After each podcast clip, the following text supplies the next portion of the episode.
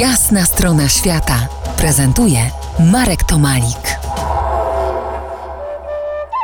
Gościem jasnej strony świata dr Maciej Sobczyk, archeolog z Ośrodka Badań Prekolumbijskich Uniwersytetu Warszawskiego. Rozmawiamy o archeopasji w ujęciu badań w południowym Peru. Maciek, wybierzmy się teraz w rejon Machu Picchu. Wydawać by się mogło, że tam już niemal wszystko jest przebadane. Wasze badania w trzech jeziorach na wysokości ponad 4000 metrów zdają się chyba jednak temu przeczyć, że tam wszystko przebadane. A, to są nie tylko jeziora. Znowu muszę przywołać e, profesora Mariusza Ziłkowskiego.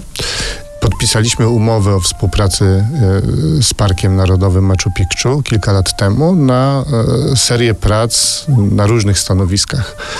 Projekt nazywa się Satelitarne Stanowiska w Parku Machu Picchu, czyli satelitarne dla tego głównego centrum e, administracyjnego, religijnego i kto wie jeszcze jakie funkcje mogło pełnić Machu Picchu.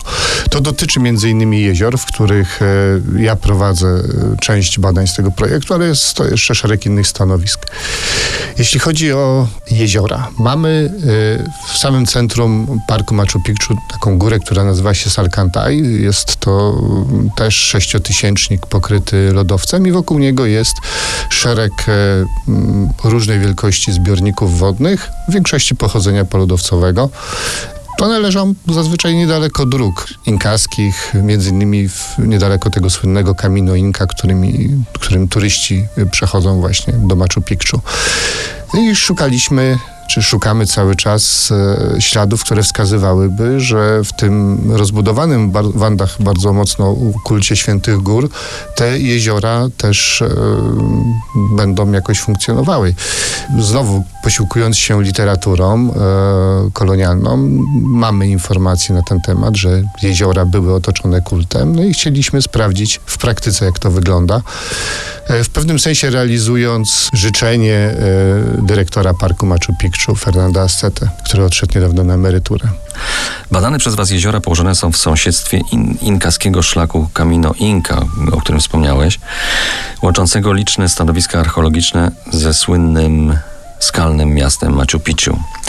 Wędrówki tym szlakiem miały miejsce już 500 lat temu. Domyślam się, że mm, na drodze Inków towarzyszyły im świątynie, które nie wytrzymały próby czasu. Ile z tych świątyń i jakich rozmiarów mogło stać wzdłuż drogi inkaskich pielgrzymów?